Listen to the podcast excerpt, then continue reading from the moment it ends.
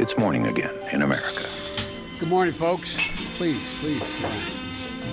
Come on, let's go. Let's go get some coffee. Thank you very much. Det er onsdag 11. april, og morgenkaffen fra amerikanskpolitikk.no er servert.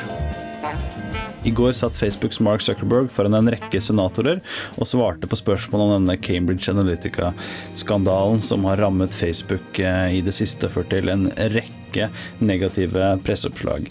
Zuckerberg eh, beklaget eh, sa at de burde gjort mer for å håndtere brukerdata og personvern, men gikk ikke tilbake på businessmodellen til Facebook eller hva Facebook har å tilby.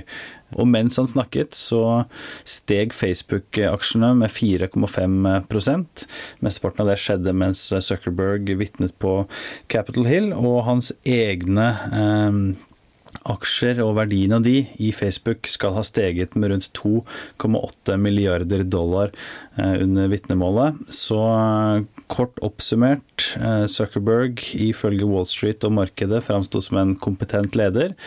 Og alle de ulike senatorene, selv om de hadde noen gode poenger her og der, så framsto ikke de som en gruppe som kommer til å legge noen strenge reguleringer på Facebook. Ehm, det kan vel egentlig se som Kongressen i alle mulige saker, at det er lite sannsynlig at de kommer til enighet om stort.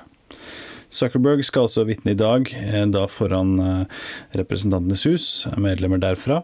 Eh, og kommer tilbake med mer om dette på amerikanskpolitikk.no og i morgendagens utgave av Morgenkaffen.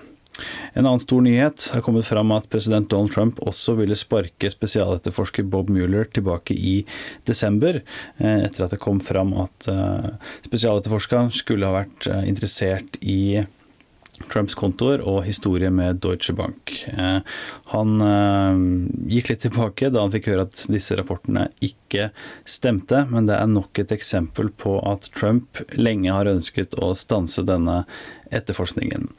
Pressesekretæren hans, Sarah Huckaby Sanders, eh, fikk i går spørsmål om eh, denne etterforskningen, eh, da med bakgrunn i FBIs razzia av kontorene til Trump-advokaten Michael Cohen.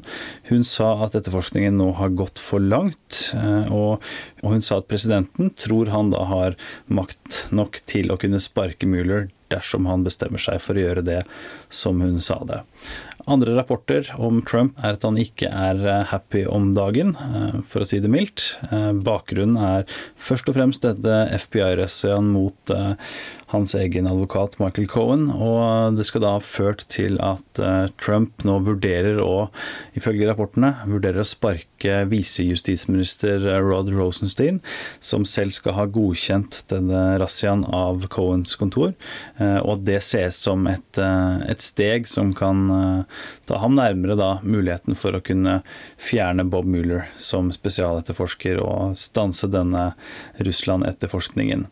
Eh, det snakkes også om at han kan gå så langt som å sparke sin egen justisminister Jeff Sessions, eh, som han også i lang tid har eh, vært irritert på, ettersom han da trakk seg fra denne Russland-etterforskningen, sa at han ikke kunne ta del i den. Derfor Rod Rosenstein da håndterer den fra Justisdepartementets side. Dagens utgave av Morgenkaffen er servert av Haldis Stavang Flatjord og undertegnede Are Togflaten. Du leser mer om disse og andre saker på amerikanskpolitikk.no. Ta gjerne turen til ampol.no kaffetips. Bruk et minutt på å gi oss litt feedback på podkasten. Hyggelig du hører på, og så snakkes vi i morgen.